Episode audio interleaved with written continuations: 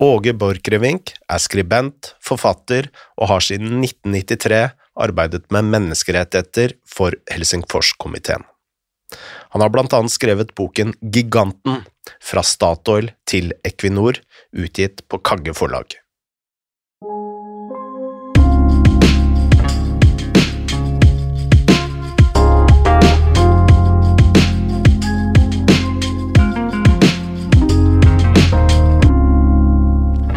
Helsingforskomiteen eh, Det er sikkert veldig mange som ikke vet hva de holder på med. Ja, det, det er det nok. Det er jo et sånt uh, navn um, som uh, folk lurer på om driver dere med sånn fakta fra Finland, ikke sant? Nei, det, det, det går, går, langt tilbake. Det var en sånn stor sikkerhetspolitisk avtale på 70-tallet som heter Helsingforserklæringen, da. Og den ble undertegnet av Sovjetunionen, USA og så de europeiske landene. La meg tippe i Helsinki? Det stemmer, eh, og derav navnet. Eh, men utover det så er det ikke så mye Finland eh, dette har med å gjøre, da. Selv om altså, ja, Finland er jo et europeisk land osv. Men denne avtalen, da, den, den, den, handlet fra Sovjetunionens side om å trygge grenser, særlig de østtyske grensene, da, som var jo ting man kunne stille spørsmål ved. Um, og fra vestlig side eh, noe av det samme, men den inneholdt eh, også en del eh, andre deler, noe som hadde med økonomi og handel å gjøre. Ble viktig for sånn tysk ostpolitikk og den type ting, men også noe om menneskerettigheter. Såkalt liksom tredje um, kurven i mm. avtalen handlet om, om menneskerettigheter. Handla det litt om ytringsfrihet òg, eller var det en del av uh... Ja, det lå der også. Ja. Det er helt riktig. Um, så jeg tror Sovjetunionen de hadde jo skrevet under på mange avtaler og eh, FN-erklæringer og menneskerettigheter og slikt før, og ikke brydd seg så veldig mye om det. Men forskjellen denne gangen ble at veldig mange av de interne opposisjonelle i Sovjetunionen, i Tsjekkoslovakia, eh, et annet land som fantes før i tiden, eh, de tok tak i dette i Polen. Eh, så, så sånne folk som Andrej Sakharov, mm. som vant nobelprisen og slikt. Um, eh, tok tak i avtalen og sa til myndighetene sine at dere har jo skrevet under på dette, så da må dere jo eh, overholde det òg. Um, og flere av disse dissidentene i, som det het, i, i Sovjetunionen, i Polen, i eh, Václav Havel f.eks., i Tsjekkoslovakia, laget sånne Helsingfors-grupper. Mm. Så dette skjedde etter 1975, da avtalen ble opprettet. Um, først da i, i, i Sovjetunionen og Øst-Europa, og så kom det vestlige organisasjoner som liksom um, oppsto uh, som solidaritetsorganisasjoner, da, egentlig. Mm. Og den norske var en av de første, og den er fra 1977. Så det er, det er bakgrunnen um, for ja, Genesis, da, liksom, for mm. Helsingforskomiteen og Helsingforsbevegelsen. Og du har jobba der uh ja, ikke helt siden 1977, men Nei, ganske lenge. Starten av 90-tallet? Ja, jeg tror jeg gjorde første, første, jobben der. Det var å oversette en sånn rapport om arbeidsrettigheter um, på et verft i Belfast i Nord-Irland, og det gjorde jeg i 1992. Så mm. jeg har 30-årsjubileum. Ja. Og da er det Russland og Ukraina og Tsjetsjenia du har mest fokus på, eller? Jeg begynte egentlig med å jobbe veldig mye i, på Balkan. Eh, på 90-tallet så var det jo krig i Bosnia um, og flere av de andre landene i det tidligere Jugoslavia. Så, um, så det var der jeg, jeg, begynte. Begynte å reise og, uh, og, og ja, jobbe med menneskerettigheter. Og uh, så jobbet jeg veldig mye med valg, egentlig. Valgobservasjon. Hvordan lager du metoder for å på en måte undersøke valg og kunne si noe om det var fritt og rettferdig eller bare tull og tøys. Mm. Um, så det var begynnelsen min, og så uh, siste 20 årene så har det vært uh, mye Russland, ja. Altså uh, til dels også Hviterussland, Kaukasus, Georgia har jeg vært veldig mye i. Men, men, Russland har jo vært helt sentral, og liksom siden Putin har um, kom til makten der i, i 1999, um, så har jo han vært en sånn driver, da kan du si, bak alle problemene med menneskerettighetsproblemene i Europa, og egentlig min arbeidsgiver, kan du si. Ja, Så alt det har eh, rett og slett starta og slutta med Putin? Jeg sier han er ganske sentral um, i, um, i, i, det arbeidet vi har gjort på forskjellige vis uh, og på veldig mange måter. Uh, inklusiv også det gamle arbeidet mitt med valg har jo blitt litt sånn relevant med, mm. med, hvordan det forsøkes påvirkes gjennom diverse metoder nå for tiden. Da. Dumt spørsmål, men er det frie valg sånn i realiteten i Russland? Um, det, det, det, var det i alle fall til dels fram til sånn ca. 2003. Um, etter det så vil jeg si at alle uh, valg mer eller mindre er, er, nesten helt kontrollerte. Men likevel så er det sånne små uh, situasjoner. Um, F.eks. lokalvalget i Moskva, Navalnyj fikk mye stemmer der uh, da han stilte for noen år siden. Um, så helt, um, helt, liksom sånn um, Total er ikke kontrollen i Russland. Det er jo noe av det som er interessant med den staten. da, Den er på en måte litt sånn sammensatt. Men, uh, men, men Putin har hatt god kontroll de siste 18 årene. Så han har ganske lydig, uh, disiplinert parlament, eller Duma som det heter. Og disse her eh, folka hans rundt omkring i regionene får jo typisk sånn eh, Ja, hva var det Kadyrov fikk sånn um, i Tsjetsjenia? 99% eller Ja, så den så, så det, er jo, det, er jo, litt sånn sovjetisk stil da over valgene i Russland nå for tiden. Mm. Uh, du nevnte Georgia, bare en liten digresjon. Eh, det er et fantastisk land, og vinnasjon, ikke minst. Absolutt. Det er heldigvis begynt å komme til eh, norske vinmonopol også. Så ja, blitt en av mine favorittviner. Ja, riktig. Du kjøper oransje da, kanskje? Ja, selvsagt. Ja. Eh, det er den naturvinen som da blir produsert i sånne krukker? Ja, det er sånne gigantiske store leirkrukker. Vi gir dem veldig sånn, sånn, eh, sånn spiss smak. Eh, nesten litt bitter også, men veldig karakteristisk. Og eh, du må kanskje utvikle den litt, men det, det, det, den er kjempegod. Og denne oransjevinen er jo den som der fermenteres vin med, med, skallene på, da. Mm. Så du får den litt farge, litt farge på den også. Mm. Men for kanskje starte med det siste med Putin. han er jo en utrolig fascinerende karakter. Altså, han er jo åpenbart utrolig intelligent. samtidig, i hvert fall sett med ukrainske og vestlige øyne, og til dels ondskapsfull. Men når vi står midt oppi denne Ukraina-konflikten, hva det åpenbare uh, Altså, det fins jo åpenbare motiver, men hva tror du er liksom de underliggende motivene som man kanskje ikke snakker om og skriver så mye om, uh, med tanke på, på Putins uh, press mot Ukraina nå? Nei, det er jo, det er jo mye liksom, diskusjon tilbake, frem og tilbake om på en måte Russlands sikkerhetsinteresser og slikt. Det er jo mye det som Putin og, og Kreml snakker om. Um, og, og, og, jeg tror vel ikke så mye at det er det det dreier seg om. Altså um, gjennom de intervensjonene i Georgia og Ukraina i 2008 og 2014 så sikret på en måte Russland seg en slags form for negativ kontroll da, over de landene. Det er ikke aktuelt at de blir uh, Nato-medlemmer når de har um, deler av sitt territorium utenfor statlig kontroll. Nei, og Det har vel særlig tyskere sagt at det, det har aldri vært aktuelt. Ja, ikke sant. Da må det ryddes opp i det først, og så kan man diskutere videre. Men det finnes jo selvsagt eh, former for samarbeidsavtaler som, eh, ikke, eh, som kan være der selv uten medlemskap. Da. Men jeg, jeg tror ikke det er så mye dette, disse påståtte liksom sånne at, at Nato har liksom omringer, omringer Russland, som de sier. Jeg, jeg tror ikke man skal kanskje ta det for god fisk, da. Jeg tror det, det er liksom det er, vel, det er vel særlig to ting som på en måte um, diskuterer, uh, egentlig. Og det ene er, er, liksom sånn hva man kan kalle for sånn kleptokratitesen, da. Altså, um, det som har skjedd under uh, Putin, men begynte egentlig lenge før, det er at um, etter Sovjetunionens fall, og egentlig før den falt, så ble statens rikdommer fordelt på en ekstremt urettferdig måte. Så Russland er jo et av de mest ulike samfunnene i verden. Det mest velplante industrialiserte land, eh, verre enn USA. Og der kom fremveksten av oligarkene, f.eks.? Ja, ja. Det, det, det, systemet vokste jo fram før Putin, men ble på en måte liksom sånn kodifisert da, under han. Og han, eh, han eh, tok jo på en måte kontroll over hele saloonen, da. Eh, det var jo Vill Øst eller Vill Vest, eller altså på 90-tallet. Og sjefsoligarken nå er jo Putin.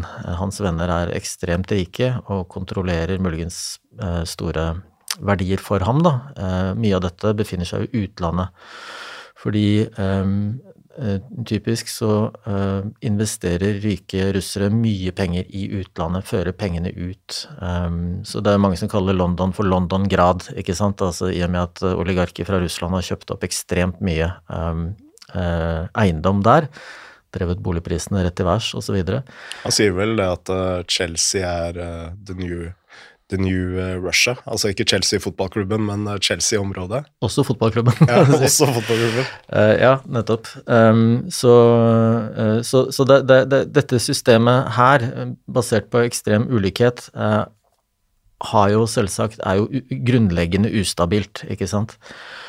Og veldig mange andre steder i tidligere Sovjetunionen så har du lignende systemer. Eh, det var mye bråk i Kasakhstan f.eks. tidligere denne måneden her. Eh, og da, eh, da, handlet jo det om sånn økning i, gass og gasspriser, særlig, som ramma folk ganske sterkt der. Det er en stat der jeg tror et av de der store vestlige revisjonsselskapene har beregnet at liksom 162 mennesker, eh, altså personer, enkeltpersoner, kontrollerer 55% av alle verdiene i landet. Mm. Um, så det er jo Russland igjen enda litt mer ekstrem versjon. Um, men, eh, men eh, dermed så går jo folk på gata, du risikerer hele tiden det. I Ukraina, i Georgia, så har jo det også ført til eh, reelle maktskifter, da. Revolusjoner. Så det er jo den store skrekken, egentlig, for et sånt system som et kleptokrati, er jo det at folk eh, går i gata, og, og, eh, og systemet faller. Så jeg tror at uh, mye av denne konflikten som, som, skapes da, fra Putins side, handler om å på en måte bygge opp den ytre fiende for å på en måte legitimere og slå hardt ned på hjemmebane. Mm. For staten, den russiske staten har blitt mye mer brutal mot opposisjonen, eller blir stadig Det er liksom som kvelerslange som strammer grepet gradvis. Det vi har liksom sett nå de siste årene, er at veldig mange av våre kolleger, journalister, eh, sivil eh, samfunnspersoner, eh, opposisjonelle på andre vis, eh, drar utenlands. Det er en sånn exodus fra, fra, Russland. Ja, fordi de er rett og slett uh, under trussel, uh, ikke bare å bli arrestert, men også drept i mange tilfeller. Navalny fikk jo gift i underbuksa, uh, ikke mm. Sånn at midlene er, er, veldig sterke og ekstreme. Um, så ja, eh, så, så, så, den ene testen hvorfor dette skjer, er jo på en måte behovet for en ytre fiende for å skape en type konflikt og dermed liksom eh, eh, mobilisere støtte på hjemmebane. For Putin var aldri mer populær enn etter anneksjonen av Krim i 2014, ikke sant, og han tok vel lærdom av det. Slik at eh, Altså da gikk meningsmålingene rett til topps, da? Ja, ja. Etter, eh, etter Sotsji og, og, så Krim. Um, da, da, da Så dette De, de, de nasjonalistiske liksom um, stemningene, da, um, har han på en måte tjent mye på før, og det er vel en del av bakgrunnen um, for dette også, tror jeg. Så det, det, er den ene, altså. Men det er på en måte en av den, de mer behagelige teoriene, fordi eh, man, man liksom, mange som eh, beskriver det russiske kleptokratiet, og Putin ser jo også på ham som grunnleggende ganske rasjonell. Han er interessert i å trygge sine interesser, men vil liksom ikke sette hele verden i brann, fordi da vil huset hans også brenne. Mm. Eh, men en annen eh, teori er jo på en måte at eh, etter 20 år med mer eller mindre absolutt makt, så blir du mer eller mindre absolutt korrumpert, da, som det heter. Og at og Kanskje et snev av hybris? Et snev av hybris, og kanskje også begynne å tro på sine egne konspirasjonsteorier og og, og at uh, motivert av en sånn reell uh, form for imperialistisk nostalgi, da, med et ønske om å, å, gjøre Russland eller Moskva stort og mektig igjen. Og da ble det jo sagt av britene, eller hvem det var, for lenge siden, at liksom Russland uten Ukraina er en ganske stor stat i Europa. Russland med Ukraina er et imperie. Mm. Du nevnte dette med gasspriser i Kasakhstan. Jeg hørte på podkasten Tid er penger, en sånn finanspodkast, og de de mente at De hadde snakka med en eh, Jeg veit ikke om det var en journalist, russisk journalist eller noe sånt, men, men de mente at eh, gassprisene var helt essensielt for å trygge, altså, trygge makten da, til Putin. Det, det, det, tror jeg er helt riktig. Og hvis du ser hvordan um, det har gått med uh, de forskjellige diktaturene i tidligere Sovjetunionen, så er det jo de som er basert på olje og gass, som har vært mest stabile, mm. kan du si, da. Aliyev-familien i Aserbajdsjan er jo nå inne i sin andre generasjon, men der ser det ut til at det går sømløst over i tredje generasjon. Det er en form for sånn oljemonarki, da, kan man si. Um, og også Russland har jo på en måte da um, Du får så mye mer muskler bak batongene da, med, med, med, med olje- og, og gasspenger. Og, og, Russland har jo tjent masse uh, på disse høye gassprisene uh, nå. De har vel tjent mye mer på å eksportere mindre og drive opp prisen enn de ville gjort på liksom uh, i en jevn supply. Da, Russland og Equinor, som vi skal tilbake til seinere. ja, um, Equinor tjener også bra med penger for tiden. Jeg tror uh, de er vel uh, det selskapet som har betalt uh, mest skatt i 2021, ved siden av Google. Ja, ja riktig. Ja, nei mm, Takk Gud for det norske skattesystemet. du nevnte Navalny, og i alt dette bråket som omhandler Ukraina nå, så har han vært i en ny rettssak. Uh, det har vel ikke falt en dom enda, men han står i fare for å få 10-15 år ekstra på sin opprinnelige dom, dom på to, to og et halvt år. Stemmer. Hva er anklagene denne gangen? Uh, ja, nei, anklagene er jo veldig spesielle. Det handler om at bidrag til hans Han har jo en sånn stiftelse som jobber mot korrupsjon. Mm. Og angivelig skal disse bidragene til denne stiftelsen ha blitt uh, um, appropriert eller tatt da, av, av, Navalny selv, eller forsvunnet på, på en eller annen uh, på rare måter.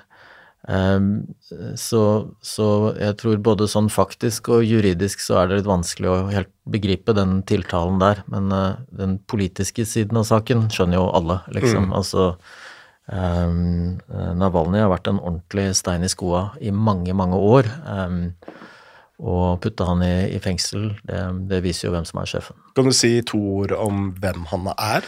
Han, ja, han altså, er han er Jeg må si, eh, hvis dere ikke har vært inne på YouTube og sett på noen av filmene hans, eh, f.eks. denne her eh, filmen om Putins palass ved Svartehavet, mm eh, gjør det. De er vel verdt det. Han er uh, en utrolig dyktig og smart eh, fyr. enormt imponerende. Og også nå i, i rettssaken så driver han jo og, og bare vasker gulvet med stakkars aktor og, og, dommerne i den saken. Men, uten at det kommer til å hjelpe ham, sannsynligvis, men, men likevel. Um, så, så, han er en, en ganske unik type, da. Han har jo bakgrunn som politiker. Um, fra, liberale, eh, eh, fra, et av de liberale partiene, Jablokka, eh, i, i, i, i Russland. Men han ble ekskludert derfra for å ha kommet med egentlig sånn fremmedfiendtlige utsagn. Han hadde noen sånne for noen år siden, så han er jo ikke noen helt enkel eller sånn ren Jesus-aktig figur. Um, etter det så slo han seg opp som eh, korrupsjonsetterforsker og har laget da en masse avsløringer, og der er det jo mye, en del å ta tak i, da, kan du si, i mm, mm. Russland.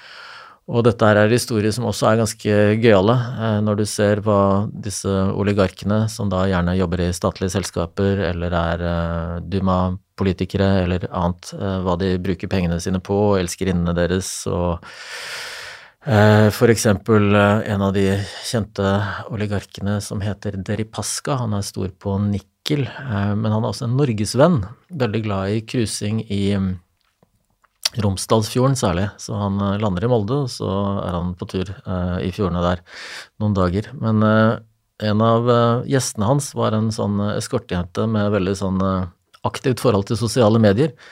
Så um, hun la ut uh, masse um, uh, film da, om dette uh, på sosiale medier, blant annet hvordan altså, det kom da folk fra Kreml, Kreml rådgivere til Putin, på, til Norge for å diskutere det var, det var, Dette var tiden rundt valget i USA i 2016.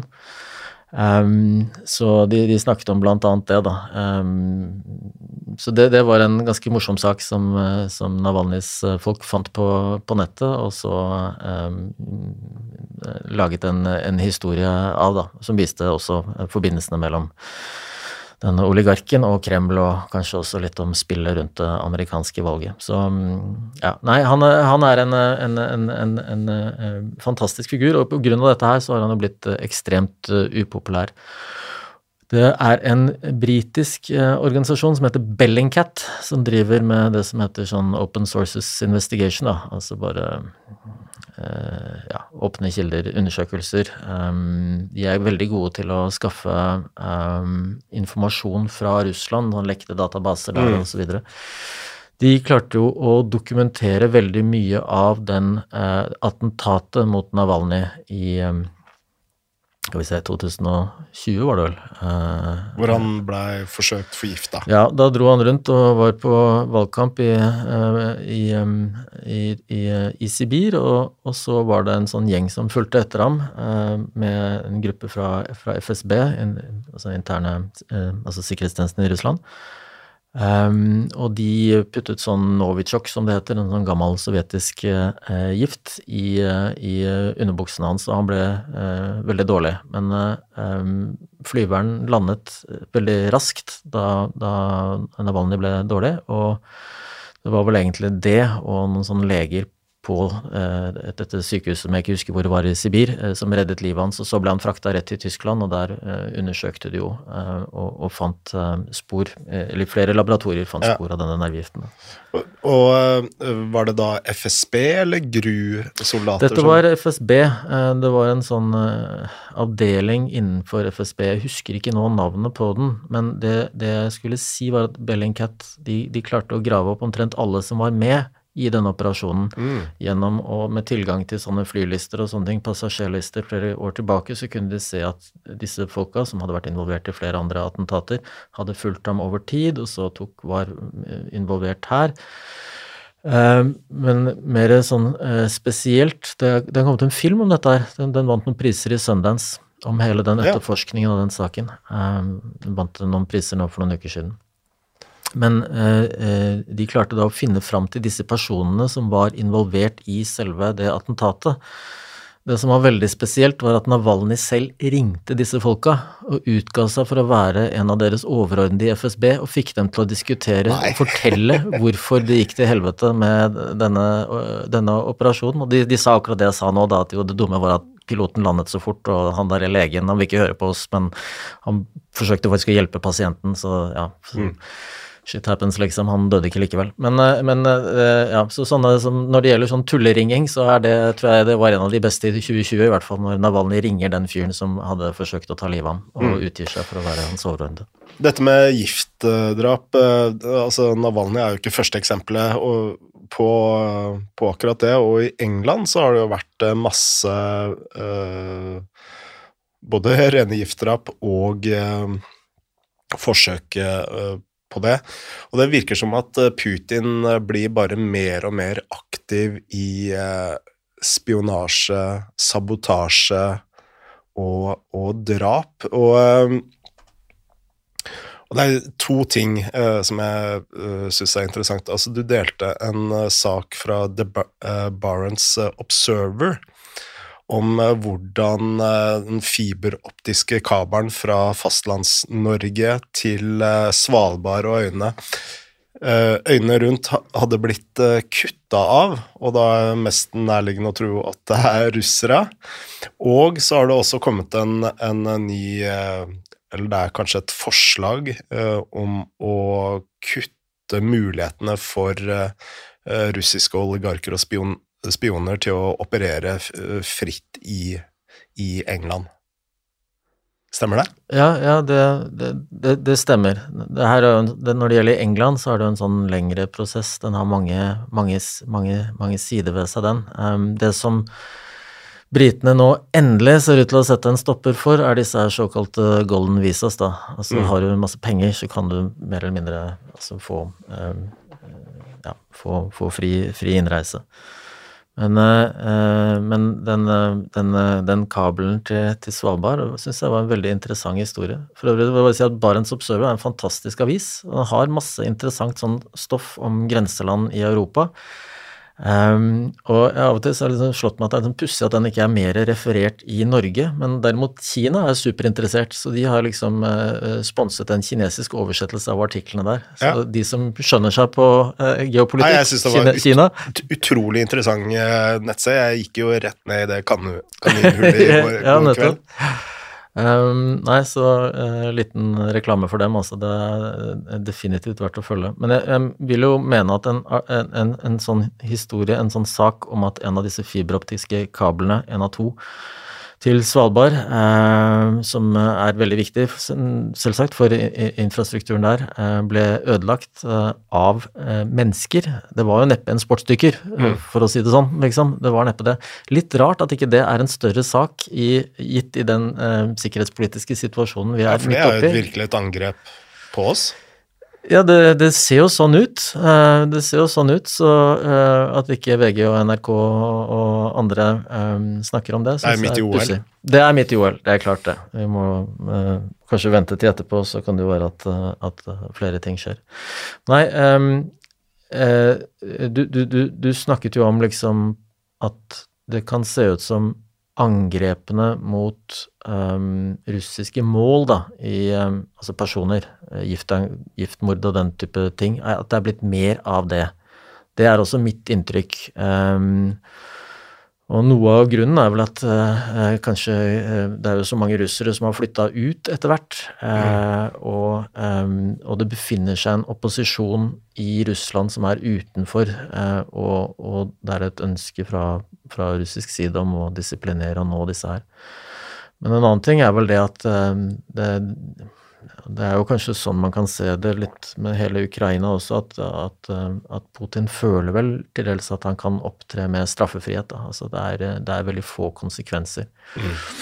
Det er jo eh, helt tydelig at uh, Russland drepte en tidligere agent i 2006 med sånn polonium, en radioaktiv isotop. Um, og nå i 2018 um, forsøkte de å drepe en annen agent med Novichok i, um, ja, i, en, i, en, sånn engelsk småby. Og da var det jo en av uh, personene som kom til stedet, som fikk dette stoffet på seg og døde av det. Flere andre ble jo også Så det er jo um, uh, men, men, det virker jo som de åpenbart føler at de kan gjøre dette her uten at det får større konsekvenser uh, for dem, da. Um, og en og jeg, jeg syns kanskje også uh, Nå er det jo slik at det man jobber med, syns man jo alltid er for lite i media. Kanskje bortsett fra fotball. Der mm. syns vel selv du at det er ganske mye stoff om det. Uh, det er selvsagt for dårlig, men det er jo stoff, i det minste. Men, men når det gjelder sånne russiske statlige liksom um, um, attentater, så i 2020, rett før, rett, før, rett før koronaen, så var det jo et i Sverige. Mm. Og det, det, vet jeg ikke om jeg er så godt kjent, men altså ja, Det har ikke jeg hørt om. Nei.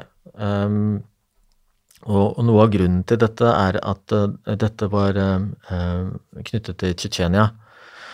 Uh, og der er det jo situasjonen slik at Putin har nærmest en slags avtale med et sånt lokalt styre i Tsjetsjenia, ledet av en fyr som heter Ramzan Kadyrov, som er en en sånn diktator, litt mer sånn old school, da, kan mm. du si. Eh, det er han som fengsler homofile og ja, det var en sånn større eh, pogrom, egentlig, kampanje da, mot, eh, mot eh, skeive eh, i Tsjetsjenia som begynte i 2017. Um, ehm, ja, det var litt av en historie. Men uh, i, i, Kadyrov er jo opptatt av å ha kontroll, og, og, og, problemet hans er at det er mange tsjetsjenere i Europa, og enkelte av disse her er på internett, og en av de mest kjente var en blogger som heter Tomso. Og, eh, og han eh, ble, ble, sett av veldig mange og var eh, blodkritisk mot Kadyrov og eh, levde på hemmelig adresse i, eh, i Sverige. Um, og så var det vel slik at det var en dame som tok kontakt med ham fra Frankrike, og etter hvert klarte å um, oppnå kontakt med ham og komme til, til, til Sverige. Um, ble vel noen form for kjæresteforhold eh, eller noe sånt, da. Um, og hun åpnet døra eh, for en fyr som kom med en hammer, eh, og da begynte å slå løs på, på Tromsø i, i, februar 2020. Mm. Men Tomso han var liksom tro mot denne her stereotypiske ideen om en tsjetsjener som er en ganske tøff type, da, så han tok hammeren fra denne fyren og begynte å slå ham istedenfor.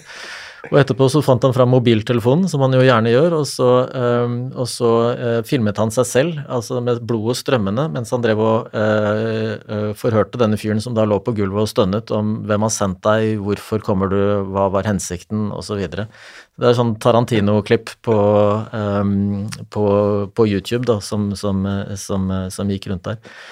Eh, og forteller det sånn fargerikt som dette, så er det jo morsomt, men realiteten er at det var et, eh, et russisk statlig eh, attentat i Skandinavia, og det må være det første siden Trotskij var her, og det muligens var folk etter ham, eller noe slikt, da. På, oppe på Hønefoss? Oppe på Hønefoss så bodde han med Jonas Lie som påpasser. Ja, Det er jo også en fantastisk historie som ble bl.a. beskrevet i biografien om Per Immerslund.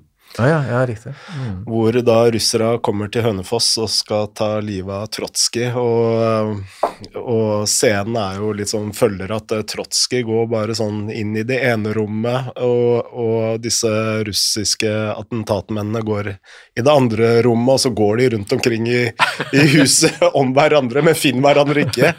Uh, Trotskij ja, det. Ja, nettopp. Nei, fordi det var jo det eh, noen også sa om eh, at hvis de hadde ønsket å ta livet av Tomso, så ville de ikke bare sende en fyr med en hammer, de ville vi gjøre noe mer profesjonelt. Eh, men jeg tror at det er ikke så lett å ta livet av folk som man ofte skulle tro eller ønske, og at en del av disse operasjonene blir feil av forskjellige grunner. Og så er det jo det at noen har større ressurser, og andre har mindre ressurser. Og det var vel ikke den mest den dyreste operasjonen, den akkurat mot Tromsø. Men det, det skjer, og det, det, viser liksom at eh, det er sånt man kan gjøre uten at, uten at det får store konsekvenser. Men Putin er jo veldig opptatt av å spille spillet. Det så man jo f.eks. Eh, i Syria, hvor han på mange måter eh, eh, rundlurte amerikansk etterretning. Og man, og man har jo sagt at nå skal ikke amerikanerne og Nato tape det spillet, og det er derfor man ser et mer proaktivt Nato og et proaktivt USA. Følger du den tankegangen der, at Putin har vært litt Du ser det jo også i Nå er det jo mange som mener at Russiagate er en konspirasjon. Det kan vi komme litt tilbake til. Men jeg tenker litt Hva er motivet hans for å, å lage så mye oppstyr rundt omkring? Jeg, jeg bare man burde jo kanskje som en uh, sånn allmektig diktator uh, sitte litt roligere i båten? Det er ikke den, er ikke den staten, den eh, rolige staten, um, Putin har bygget. Um, den er en sånn blandingsstat um, uansett, og det er et sånn grunnleggende ustabilt system. Uh, så jeg, jeg, tror egentlig ikke Putin er så redd for kriser, for han vet at han kan styre dem på forskjellige vis, og det har liksom eh, historien eh, kanskje vist da, eh, for ham. Jeg syns det som er litt sånn interessant å se nå rundt Ukraina, er jo akkurat det du var inne på, at amerikanerne eh, og til dels europeerne har vært så innmari eh, på tuppa med å si hva de har funnet av etterretning. Mm. Og der tror jeg du kan se at det har liksom skjedd et sånt stort skifte eh, akkurat nå, og det tror jeg er et sånt resultat av at eh, amerikanerne, etter Russiagate blant annet, som vi kan diskutere senere, som du sa, eh, men andre ting, også har sett at eh, propaganda har en betydning. Mm. Uh, og uh, disinformasjon virker, og at på en måte spillet er endret med sosiale medier og andre typer ting. slik at mens man i gamle dager gjerne var liksom etterretning var noe man ikke snakket om, holdt hemmelig osv., så, videre, så, så, tror jeg amerikanerne nå tenker stikk motsatt og tenker at eh, ja, hvis vi får ferten av noe, uansett uh, kanskje hvor gode kildene er, så bare vi putter det rett ut der mm. for å på en måte uh, prøve å gjøre det vanskelig for altså da, at, at, russerne da må skifte, kan liksom gå tilbake til plan B, C osv. Så, videre. så det ser ut som det er det spillet som foregår. Og at amerikanere eh, har en helt sånn ny tilnærming til bruk av, av, eh, av etterretning. Da. Så, så det, eh, det, det, det er det er, altså det, hvordan det påvirker jeg, jeg, er ikke smart nok til å kunne si hvordan det påvirker, men jeg kan skjønne hvorfor de gjør det. Mm. Fordi hvis de ikke gjør det, så vil de på en måte sitte passivt og reaktivt og på en måte bare ta imot. Um, det virker som amerikanerne er i ferd med å spille Putins uh, spill, da. Og, og, et eksempel på Putins spill, det er jo altså Du har jo skrevet mye om Assange i Morgenbladet nå i det siste og vært i en, en vi vil egentlig kalle det en ganske hard debatt uh, om, om, Julian Assange og uh, Russiagate osv. osv. Men uh, men hvordan Putin har brukt Assange til å lekke etterretning for igjen å, å påvirke valget i USA, er jo forteller jo veldig mye om uh, hvilket spill Putin uh, spiller, uh, tenker jeg. Ja, det er jo ganske sånn kan man si Altså, den historien der er vel slik at um, hvis man skal legge den Müller-rapporten til grunn, da, den, den sånn spesialetterforskeren til FBI mm. laget om hele den historien når det gjaldt uh, russiske um, innflytelsesoperasjoner mot det amerikanske valget i 2016. Uh, og det, det, tror jeg man kan gjøre med ganske Den er, den er et grundig stykke arbeid, i hvert fall. Um, og I den så, så, så, kommer det jo fram at, at uh, russiske uh, agenter klarte å hacke uh, liksom, demokratenes servere og noen av de private e-postkontoene og flere andre ting. Skaffe masse informasjon. Noe av dette ble, um, ble også sluppet fra russernes side på nettet uten noe særlig effekt. Og det er først liksom gjennom den kontakten med Wikileaks, og i den kontakten som vel um, Altså de uh, utvekslingene mellom denne hackeren, som da uh, er, fra, er, er, en russisk agent, og Wikileaks, så sier jo uh, Assange, um, eller Wikileaks, at det vil ha mye større effekt om vi slipper det, enn om dere gjør det. Og, og, og, og så går det via dem hele veien senere. Så nei, det, det, det, jeg er helt enig at det viser på en måte at du er, eh, at du er fleksibel og, eh, og, smart da, i ditt påvirkningsarbeid og skjønner at uh, på en måte outsource ting og, og liksom skape allierte. I dette tilfellet Wikileaks er en veldig smart måte å, å drive påvirknings- og innflytelsesarbeid på. Så ja, nei, så det Og, det fikk jo en Det fikk jo Ja, hvor stor effekt det fikk, det, det kan man jo diskutere i evigheter, egentlig. Mm. Men, uh, men, at det ble nyhetssvære uh, saker av dette, det er det i hvert fall ingen tvil om. Eh, du har jo vært eh, veldig kritisk Nei, ikke veldig kritisk, fordi du har vært veldig balansert. Eh, kan jeg bruke et sånt ord? Takk for det, det er det første du sier. ja, fordi du understreker jo i nesten alt du, du skriver at uh, Wikileaks har hatt en viktig rolle innen mye, men det er et par ting du er kritiske til. Uh, og det er jo først og fremst dette med konspirasjonsteorier, hans rolle til, til Russland. Uh, og en ting jeg ikke visste om uh, før jeg leste dine saker, det uh, og dette er kanskje en liten sidesak, men det er Seth Rich, mm. som blir uh, frama som en kilde. Så han burner, eller brenner, sin egen kilde. Og det var kanskje bare oss journalister som, som reagerer på akkurat det, men det reagerte jeg Uh, kanskje mest på mm. av alt. Uh, kan ikke du si to ord om uh, dette med konspirasjonsteorier og Assange forhold til uh, Russland gjennom TV-kanalen RT, f.eks.? Du starter der? Ja, nei, altså Jeg, jeg tror det at altså, Assange har jo, noen, har jo mange tilhengere, og, og, saken hans er jo har veldig mange sider, og Wikileaks har gjort utrolig mye bra. Uh, men jeg, jeg tror at, at uh, akkurat som du som journalist, og veldig mange andre journalister, har reagert på mye av uh, praksisen til Assange og Wikileaks, så er det noe av det samme uh, Jeg kommer jo fra sånn menneskerettighetsmiljø, da. Mm. Uh, og der er han også veldig kontroversiell, og litt på, uh, på, på det samme vis. Så jeg syns han er veldig sånn tvetydig som en uh, ytringsfrihetsfigur. Altså på et, på et, vis så har Wikileaks etablerte en skole for lekkasjer som nå lever videre, mens Wikileaks kanskje ikke lever så godt lenger, men den lever videre, og den har endret også journalistikken til dels også.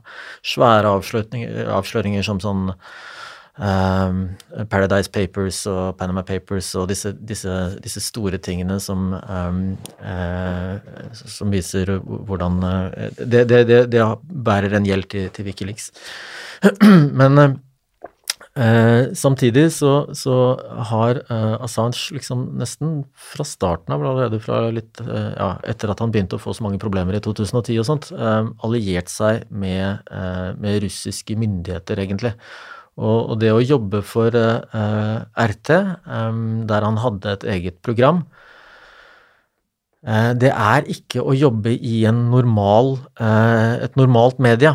Altså, RT er fra starten Jeg nesten begynne litt med det. Det ble, lag, det ble grunnlagt i 2005 eller noe slikt. Mm. og da var det liksom i, på, betalt fra det russiske budsjettet. De hyret inn masse utenlandske journalister. Um, og, um, og, hensikten var å skape et positivt bilde av Russland. Uh, og så uh, har dette utviklet seg over tid, og de er blitt mye mer drevne. Og også journalistikken er blitt vridd fra å være positiv mot Russland til egentlig å være negativ mot Vesten. Det er gjerne det det går i nå.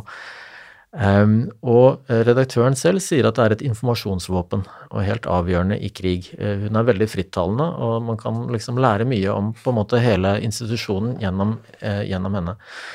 Um, så det er slik at de trapper opp i, i, situasjoner av væpnet konflikt og sånne ting, så trapper de gjerne opp Ukraina 2014, Georgia 2008 med en masse aktivitet og, og prøver å um, komme med for så vidt falske historier som bygger opp under uh, russernes uh, side av saken.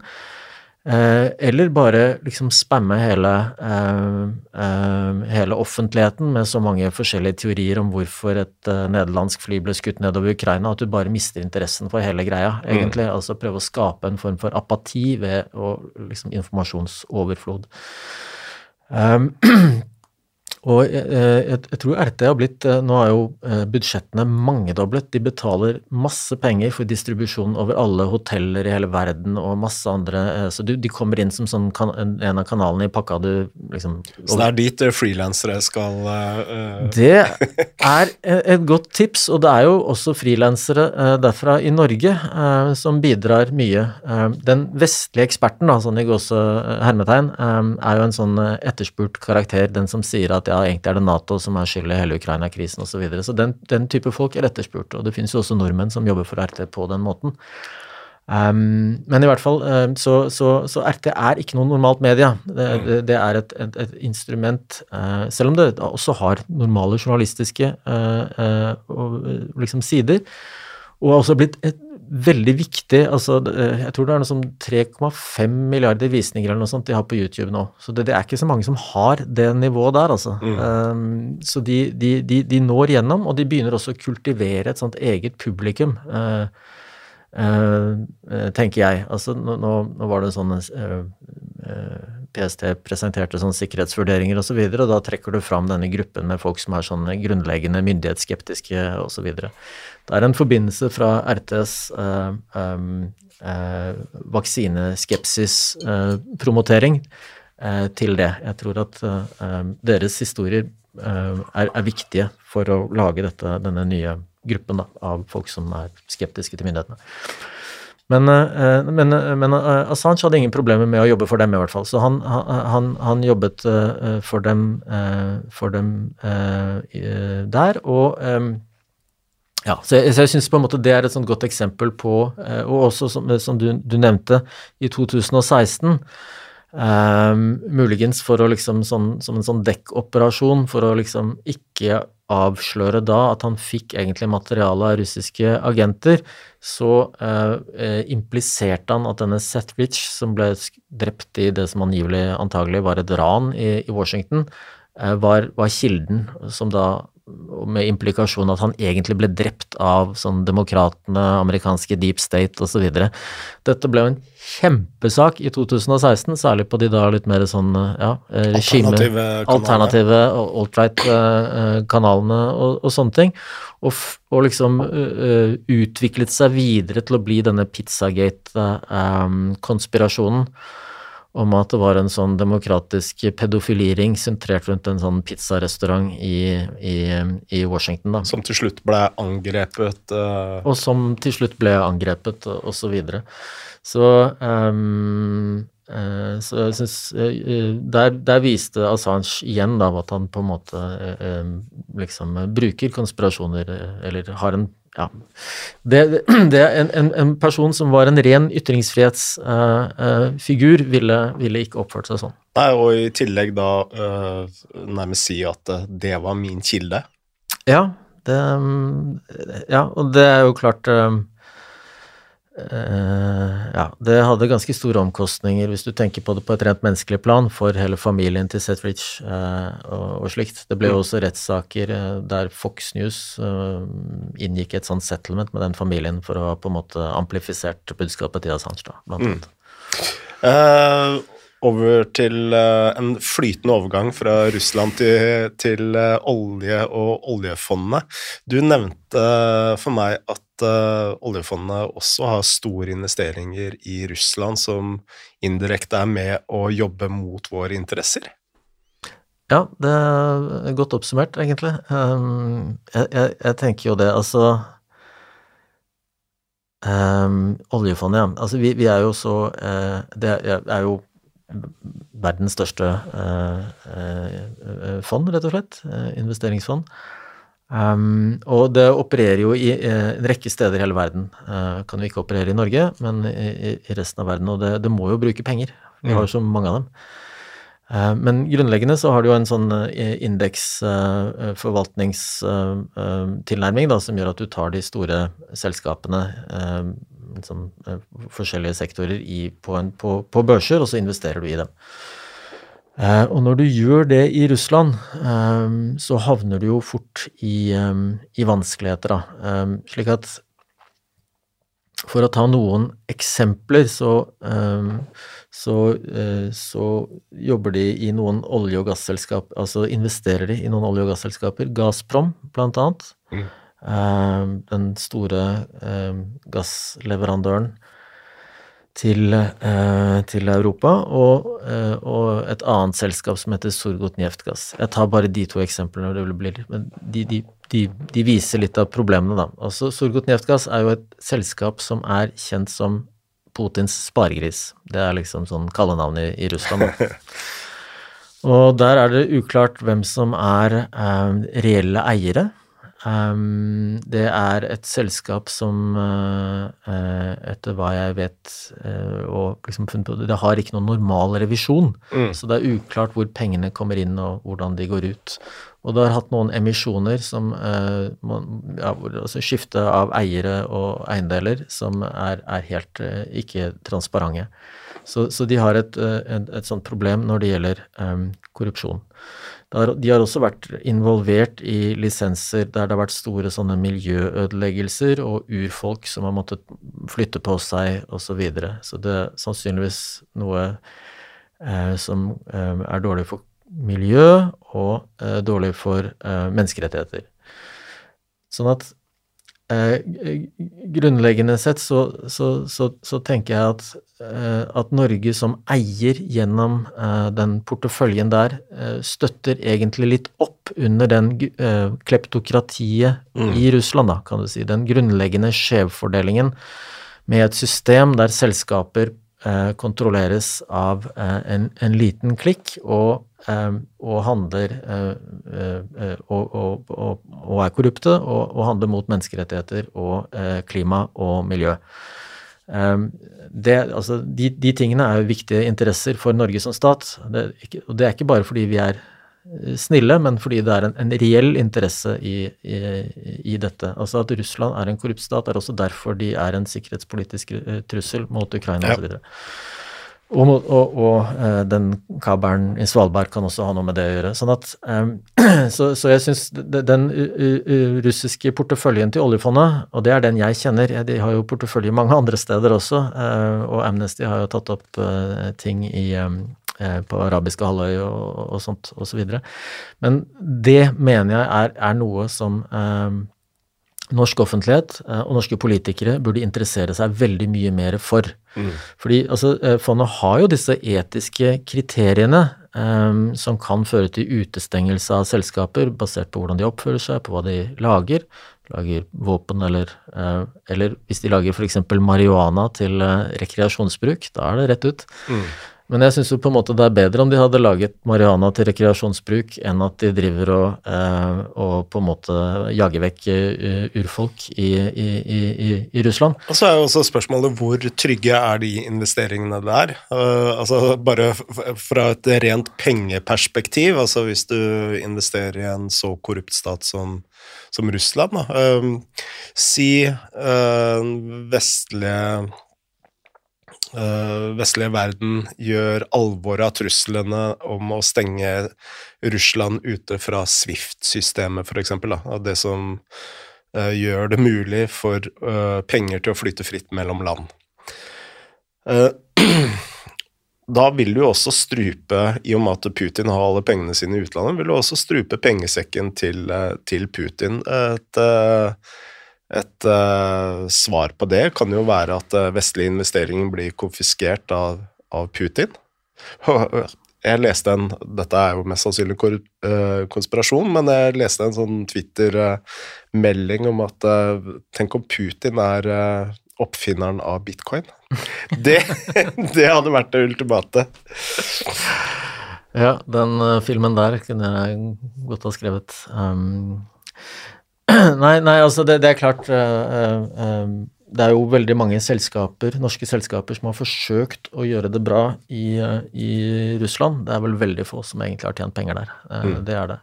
Som investor så er du jo på en måte med på en litt annen side. Um, men nei, det er klart det er, det er et, et, marked med, med kjemperisiko. Det er, det er klart. Hva var bakgrunnen for at du plutselig ville skrive en bok om eh, Statoil og Equinor? Ja, nei, jeg brukte jo mange år egentlig på det. Um, jeg, jeg, tror det var to ting. For det første så er jeg østlending, og uh, nyheter om uh, oljen har liksom putret og gått på radioen i bakgrunnen litt. Mm. Ehm, men jeg har liksom savnet den derre uh, historien om, uh, om norske oljen. Um, den, den uh, Det har jo kommet mange bøker om Statoil og Equinor, men det er jo gjerne bøker som er finansiert av dem selv. Det mener jeg å leste en del av anmeldelsen av boken. Det, det, er riktig. Eh, det er riktig. De, de, for all del, de, de, er, er ikke nødvendigvis dårlige, de bøkene, men de, har jo det perspektivet, ja. ja. Eh, det har de. Nå er det jo veldig mye å være stolt av en norsk oljehistorie, så det, det er jo så det er jo Men i hvert fall, liksom, jeg hadde, hadde, hadde, lyst Siden det ikke fantes en sånn bok, så hadde jeg lyst til å skrive den, da. En, en sånn mer en bredere fremstilling av liksom norsk oljehistorie. Og jeg jeg oppfattet liksom eh, eh, Statoil, som det het da jeg begynte å jobbe med dette her, og Equinor, som det heter nå, eh, som en sånn eh, mest eh, spennende liksom sånn uttrykket for hele den historien. Mm. Det er knyttet til hele den norske oljealderen på forskjellig vis, og det går jo gjennom sånne Det har jo den pionertiden på 70-tallet. Eh, kampen mot de store amerikanske selskapene den gangen, eh, og den suksessen det, det ble. Ehm, det har også en historie på teknologi og innovasjon, at Nordsjøen ble virkelig et sånn laboratorie for utvikling av en masse eh, ehm, eh, teknologi som revolusjonerte eh, oljeproduksjon og, gjorde at du kunne ehm, hente mer, og du kunne hente det dypere og, og frakte det lenger, osv.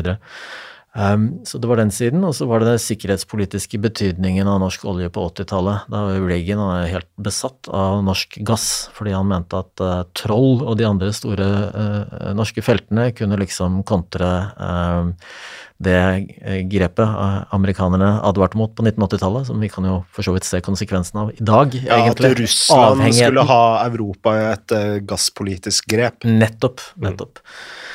Det, eh, det, ønsket jo ikke Reagan, som var eh, ja, som, eh, som, jo brukte mye energi på, på å, å, å, legge Sovjetunionen i, i ruiner. Da. Så nei, så det var, det var veldig mange slike, slike, historier som på en måte kommer sammen i, i, i Statoils historie. Da. Mm.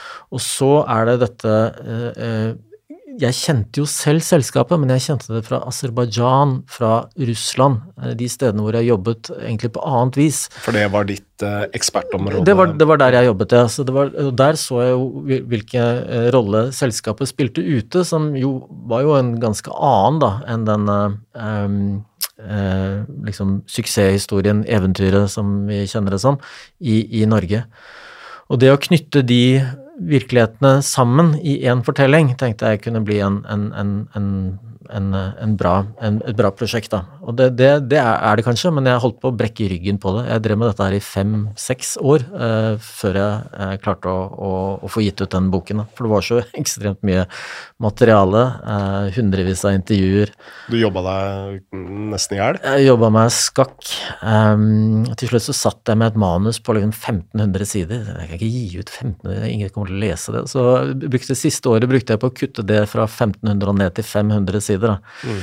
Um, så det var jo sånn Darling Massakre. Det er fortsatt den nest lengste boka jeg noensinne har lest. ja, men, ja, ja, ok. Men uh, gled deg i hvert fall over tanken på hvor ille det kunne ha vært, da. Um, nei, det, men det koster blod å redigere seg ned så mye. Men jeg tror det var uh, Ja, jeg mente Ja, så jeg håper det var verdt det, da. Um, ja. Men hvis du klarte å lese hele boka, så var det kanskje verdt det. Ja, altså, temaet i utgangspunktet kan jo virke veldig tørt, men uh, Eh, det var jo virkelig en eh, lettlest bok, eh, og til tider en page-turner, og det er den beste boka jeg har lest på veldig, veldig mange år, det må jeg bare si. og sekvensen hvor du beskriver attentatet i Algerie, blant annet, er jo Det er jo som en, en detektivfortelling eller en spenningsfilm. Det er jo ekstremt mye drama, selvsagt, i den, i den historien. Um, så uh, og, og, det var det jeg ønsket å også få fram, da. Altså på en måte um, realiteten i dette her, og de der oljearbeiderne som ble utsatt for dette, um, dette terrorangrepet i 2013, var det vel. Mm. Um, så, så, det, eller, eller hele den uh, Eh, historien, så godt man kunne dokumentere det, rundt den eh, korrupsjonsaffæren i Iran i 2003. Uh, også det politiske spillet bak privatiseringen, hvordan det forløp og, og slikt. Um, når du kommer inn såpass mye seinere, så er det jo lettere å få kilder i tale, ikke sant? Mm.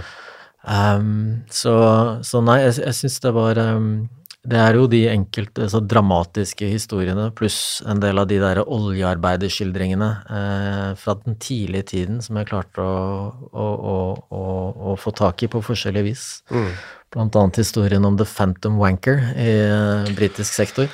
Runkespøkelse. Runkespøkelse. Um, kan, kan, du dra den uh, kortversjonen av den historien? Jeg tror du må liksom se det i sammenheng med at i den tidlige tiden i Nordsjøen um, så jobba folk uh, som gærne, um, og det var en um, så du, du jobba liksom i 12-14 timers vakter, og så kom du til et uh, rom der du lå sammen med seks andre svette mannfolk, uh, og, og, liksom kondensen rant nedover veggene. Og, nå, nå, snakker vi om pioner... Nå snakker vi om pionertiden, og litt før det kom liksom uh, um, um, grønne planter og, og liksom sånn hotellstandard på, på, plattformene, sånn som det etter hvert kom med Statoil på, på 80-tallet.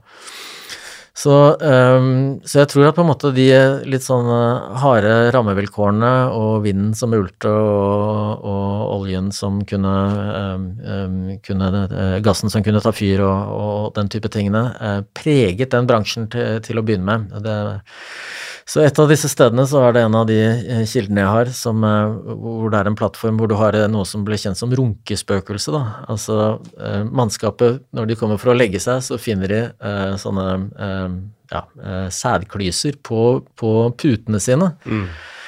Og plattformsjefen legger seg i dette, og, eh, og etter det sverger han hevn da, over, over runkespøkelsene. Så settes i gang en sånn større operasjon, um, og de får til slutt tak i en kar som uh, er på vasken og stikker av med sånne roughneck, som de het, disse oljearbeiderne, roughneck-truser. Uh, og de bryter opp døra hans, og der uh, er han i ferd med å liksom uh, onanere, da, mens han driver og sniffer på disse her gamle oljearbeidertrusene. Så denne fyren får seg en god porsjon juling og forsvinner på land og er på en måte ute av sagaen. Men runkespøkelset forsvant ikke. Det fortsatte å være der. Så det er mulig at runkespøkelset fremdeles befinner seg et eller annet sted ute i Nordsjøen, og så ikke føl deg trygg hvis du er der ute. Eh, men hvis vi tar for oss eh, pionerårene først, eh, så var det jo mange viktige politiske avgjørelser som skulle treffes for at vi skulle oppnå den suksessen vi som oljenasjon nå, nå til slutt har endt opp med. Da. Hvilke øh, sånne øh, politiske debatter tenker du er de viktigste at vi klarte å, å naile på en måte øh, de første årene? Ja, det... Og hva var konfliktskillene? Mm. Um, nei, altså det um dette her er jo en, en ganske kjent historie, men, men likevel. Altså den, den, sentrale personen her, da, er jo den første sjefen i, i Statoil, Arve Johnsen, som før det var han var statssekretær i Industridepartementet og også leder for Arbeiderpartiets industripolitiske utvalg. Men han kom fra Hydro. Han var jo øh, sånn um, han var, eh, han var, forretningsmann selv, så han hadde bakgrunn fra industri, eh, praktisk. Um, men det han mente, var at eh, Norge måtte ha en hånd på rattet, da. Kan ikke sitte i baksetet, eh, du, må, du, må, sitte i førersetet. Og ja, det var metaforen han, han brukte. Og så ville han at Norge, dvs. Si staten, skulle opp på de strategiske høydedragene i, i industrien, som han kalte det. Og det er egentlig unikt uh, sånn i verdenssammenheng, uh, i, i, hvert fall i demokratiske land. Ja, uh, Høyresiden i Norge mente jo at dette her minnet jo litt om sovjetisk måte å gjøre ting på, da, mm. kan du si. Så der hadde du egentlig de to skillelinjene som gikk mellom Høyre og Arbeiderpartiet den første tiden, og hvor Arbeiderpartiet um, Det var jo ikke alle som var enige med Arve Johnsen, men han vant fram uh, i at staten skulle ha en veldig aktiv rolle i uh, uh, Ikke bare som sånn forvalter av lisenser og på en måte høste skatt osv., selv om den skattemessige fiskale var kjempeviktig, som vi nå ser av de svære um, skatteregningen um, som Equinor betaler til Norge. men Eh, men også det at eh, staten måtte være engasjert i selve oljedriften. Og da trengte man et instrument, man trengte et statlig oljeselskap. Eh, og dette oljeselskapet måtte være aktivt og på en måte kunne operere på linje med de store amerikanske selskapene som kom inn i Nordsjøen. Mm. Frykten var jo at de store amerikanske selskapene skulle spille ping-pong med lille Norge, egentlig. Var, de var jo vant til å diktere betingelsene i hele resten av verden. Eh, hvorfor skulle de anta at det ville være noe annerledes i et sånt filleland eh, eh, med nesten ingen innbyggere? Så, så den første tiden var det jo var det kamper mellom liksom sånn Arbeiderpartiets og, og, og Høyres visjoner om, om hvordan statens rolle skulle være og det var den aktive rollen til Arbeiderpartiet som vant fram. Um, og så var det kampen med de amerikanske selskapene og disiplineringen av dem, da kan du si, som også tok uh, Som fant sted i, til dels i den samme, samme perioden der. Jeg syns det er litt sånn interessant å uh, Nå er jo historien som den er i Nordsjøen, men uh, Nordsjøen er jo delt. Altså det fins en britisk historie også, og på mange vis så er den sånn der eh, kontrafaktisk med den norske, da. Der hadde du en helt annen eh, historie, hvor de eh, private selskapene fikk mye eh, bedre kår og betingelser. Er det litt samme hva høyresiden ønska for Norge? Det det, er jo, det, er, det er, jo, mange andre ting som kommer inn. Det er en grunnleggende forskjell på, på, eh, på, på Storbritannia og Norge på, veldig mange vis. Næringsliv, størrelse osv. Og, så videre, og ikke minst fjorder, fordi den norske industrien hadde bedre vilkår med dype fjorder, ja. kan du si.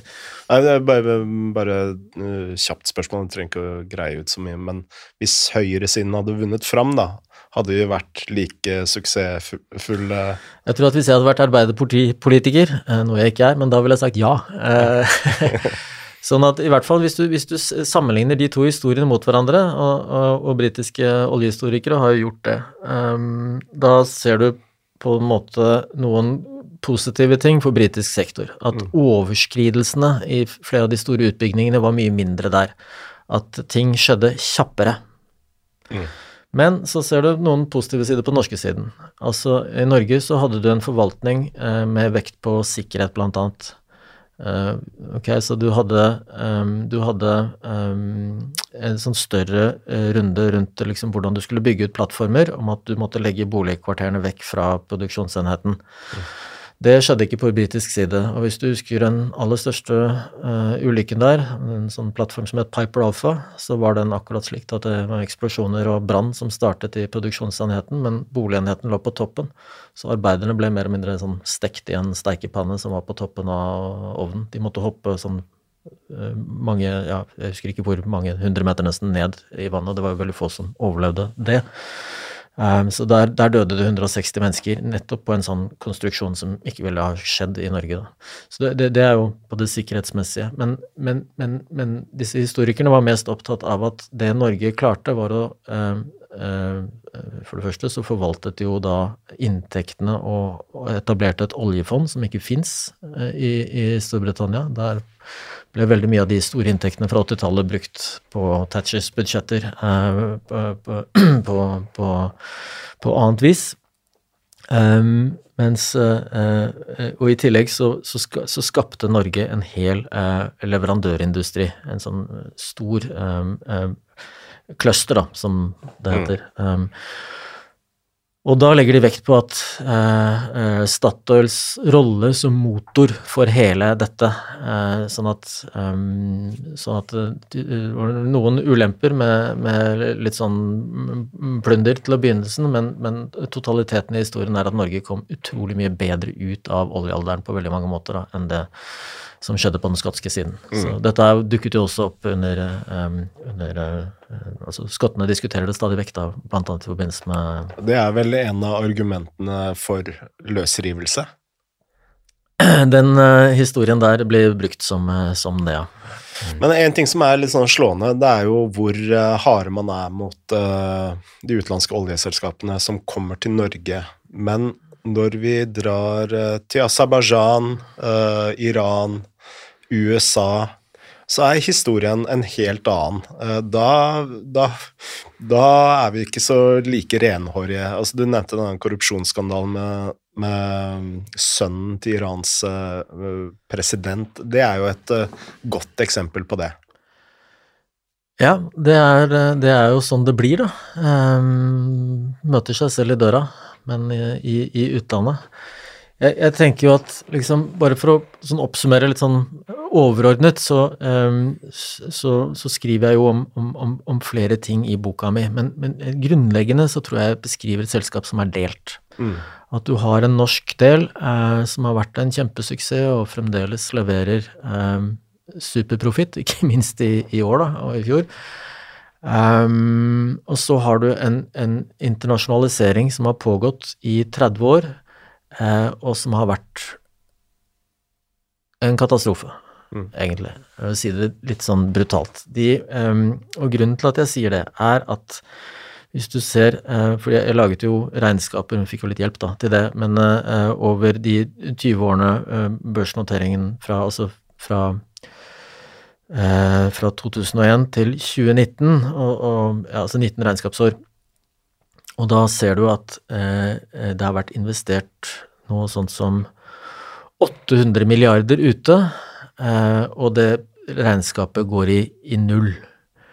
Um, det er klart at hvis du hadde investert 800 milliarder eh, ellers, f.eks. gjennom oljefondet, så ville du settet igjen med en, en langt høyere gevinst. Mm. Eh, sånn at hvis vi som eiere da hadde sett at det, det, Altså forskjellen på liksom å investere med en, en jevn avkastning på 6 gjennom de, eh, de 18 årene ville tilsvart 500 milliarder. Og det er jo penger. Mm. Um, og i dette så er det ikke bare tapene i USA. Her er det liksom systemisk egentlig over hele fjøla. Uh, de har hatt noen suksesser, men det var tingene som kom tidlig på 1990-tallet, i den tiden um, Statoil var i allianse med BP og profitterte stort på deres uh, ganske røffe tilnærming til business, og um, der fikk de de kontraktene i Angola, um, Nigeria og Aserbajdsjan som de har tjent penger på. Uh, og utover det så, så, så har resultatene vært, uh, vært, veldig dårlige. Tatt masse penger i Russland, f.eks. Mm. Um, men så, så, det har vært liksom grunnleggende en sånn Det jeg følte var på en måte To selskaper, på en to, måte? To selskaper, og det skulle ønske kunne vært mer diskutert i Norge, da.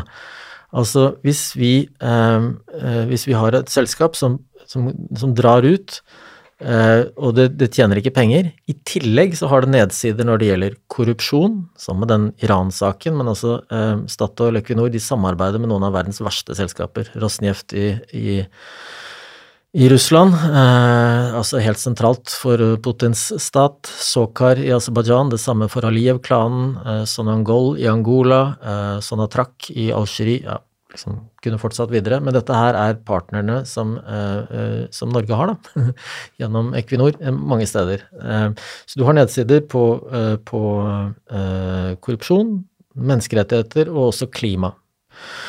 Eh, Tenker når, du da på skifergass? Nei, skifer... Eh, ja, på, på, flere måter, egentlig. Sånn ett eksempel, da. Eh, eh, det er jo at altså når det gjelder klima og oljeselskaper, så, så, så, er det jo slik at de fleste oljeselskaper nå, nesten alle sammen, snakker jo grønt, ikke mm. sant, og, eh, og, har grønne avdelinger og vil ofte være litt forsiktige med å, å gå sånn hardt ut i i energispørsmål politisk også, av, av, frykt for å liksom Den tiden er litt forbi, da, hvor de kunne mm. bare si at uh, nei, vi puster jo CO2 og altså sånn den, den Klimaskepsisperioden er litt forbi. Så måten oljeselskapene egentlig opererer på nå, er at mens selskapene snakker grønt, så har de bransjeselskaper. Altså i Norge har vi jo Norsk olje og gass. Mm. Det er ikke av de mest eh, tøffeste av dem, men du har eh, i Australia, du har andre steder. Du har ikke minst noe som heter American Petroleum Institute, API, i Amerika, som er en, en beryktet organisasjon eh, som har funda klimaskepsis, som eh, gir penger til de eh, kandidatene som er eh, Ja, mm. du kan forestille deg selv. Eh, og selv etter, eh, etter sånn flere vurderinger av denne type medlemskap, så er Equinor fremdeles medlem av API. Mm. Det, ja, som sånn ett eksempel på hvordan nedsiden når det gjelder klima. Slik at jeg tenker da at på en måte det jeg skulle ønske at folk ville snakket om, var i en, en tid hvor vi trenger grønt skifte, bør vi ikke da se på eierskapet til Equinor? Uh, og da tenker jeg at uh, du kunne vurdert et eh, egentlig å, å som hovedeier å og, og, se på muligheten av å selge egentlig uh, utenlandsk olje og gass. Det ville redusere statens totale klimarisiko, og det ville være Uh, I tråd med ja, egentlig på en måte de tingene som ligger der. Igjen handler om skal vi investere mot våre egne interesser. Mm. Altså Hvis vi har interesse i at det ikke er korrupsjon i menneskerettigheter og, um, og klimapolitikk, hvorfor er vi liksom i, i praksis imot det da? Nå går uh, Equinor uh, inn ganske tungt i Argentina, f.eks de prosjektene som eh, Equinor driver med der, eh, hvis de blir noe av, så vil jo eh, Argentinas mulighet til å etterleve Paris-protokollen være minus. Altså det vil ikke skje. Så ja, som et sånt eksempel. Uh, bare DN hadde jo en uh, vanvittig morsom uh, sak om, om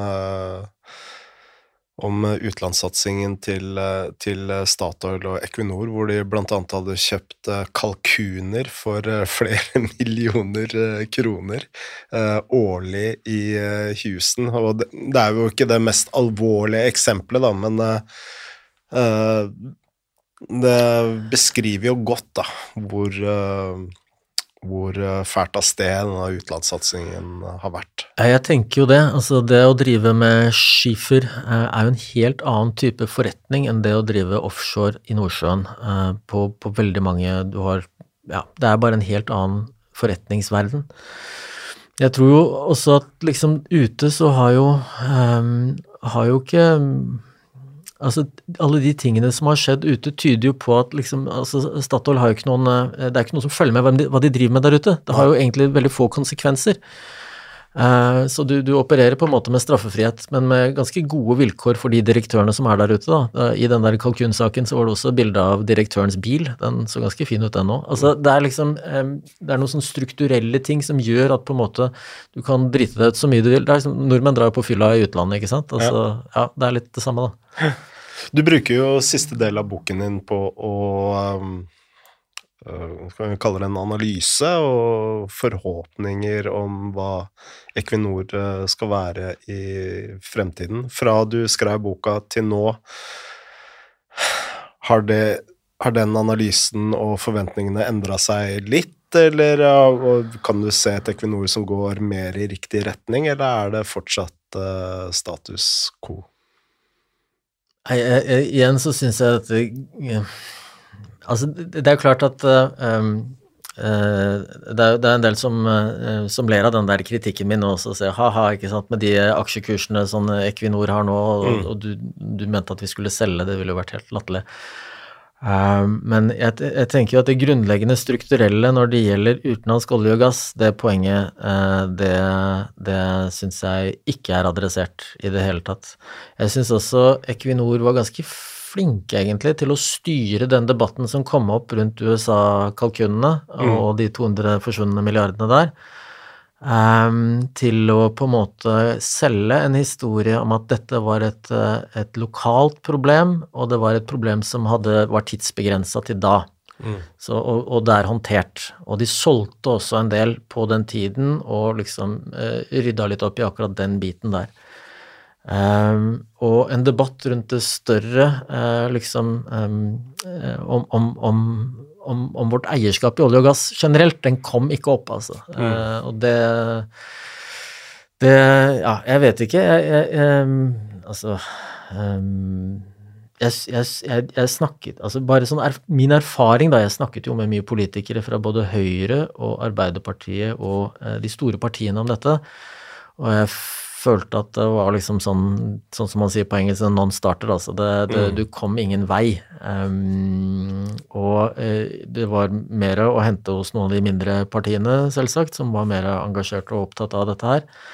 Rørende å se Arbeiderpartiet og Høyre så enige om det? Mor og far er enige om de viktige tingene. De var jo det i sikkerhetspolitikken i gamle dager, og, og i oljepolitikken nå så er heller ikke forskjellen så stor, tenker jeg. Um, så um, så nei, eh, eh, den der avslutningen som du nevnte på boka mi, der kaller jeg vel eh, Equinor for den femte statsmakt, og det er noe med det. Altså at de sitter sentralt i en olje- og gassektor som har stor innflytelse i arbeidsgiversiden, på, på LO-siden og, og, i de store partiene. Mm. Um, og det er veldig, veldig vanskelig å Og, og dermed setter du på en måte rammene for hele debatten, ikke sant. Mm.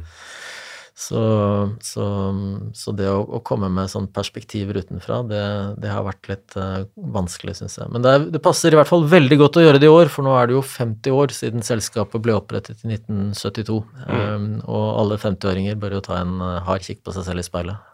Og med det så anbefaler jeg alle å kjøpe boken din Giganten. Uh, kjempe, kjempelesning. Uh, Åge, tusen takk for at uh, du du var med her. Utrolig lærerikt og eh, interessant. Kjempehyggelig, kjempehyggelig Frode. Takk skal du ha. Moderne media.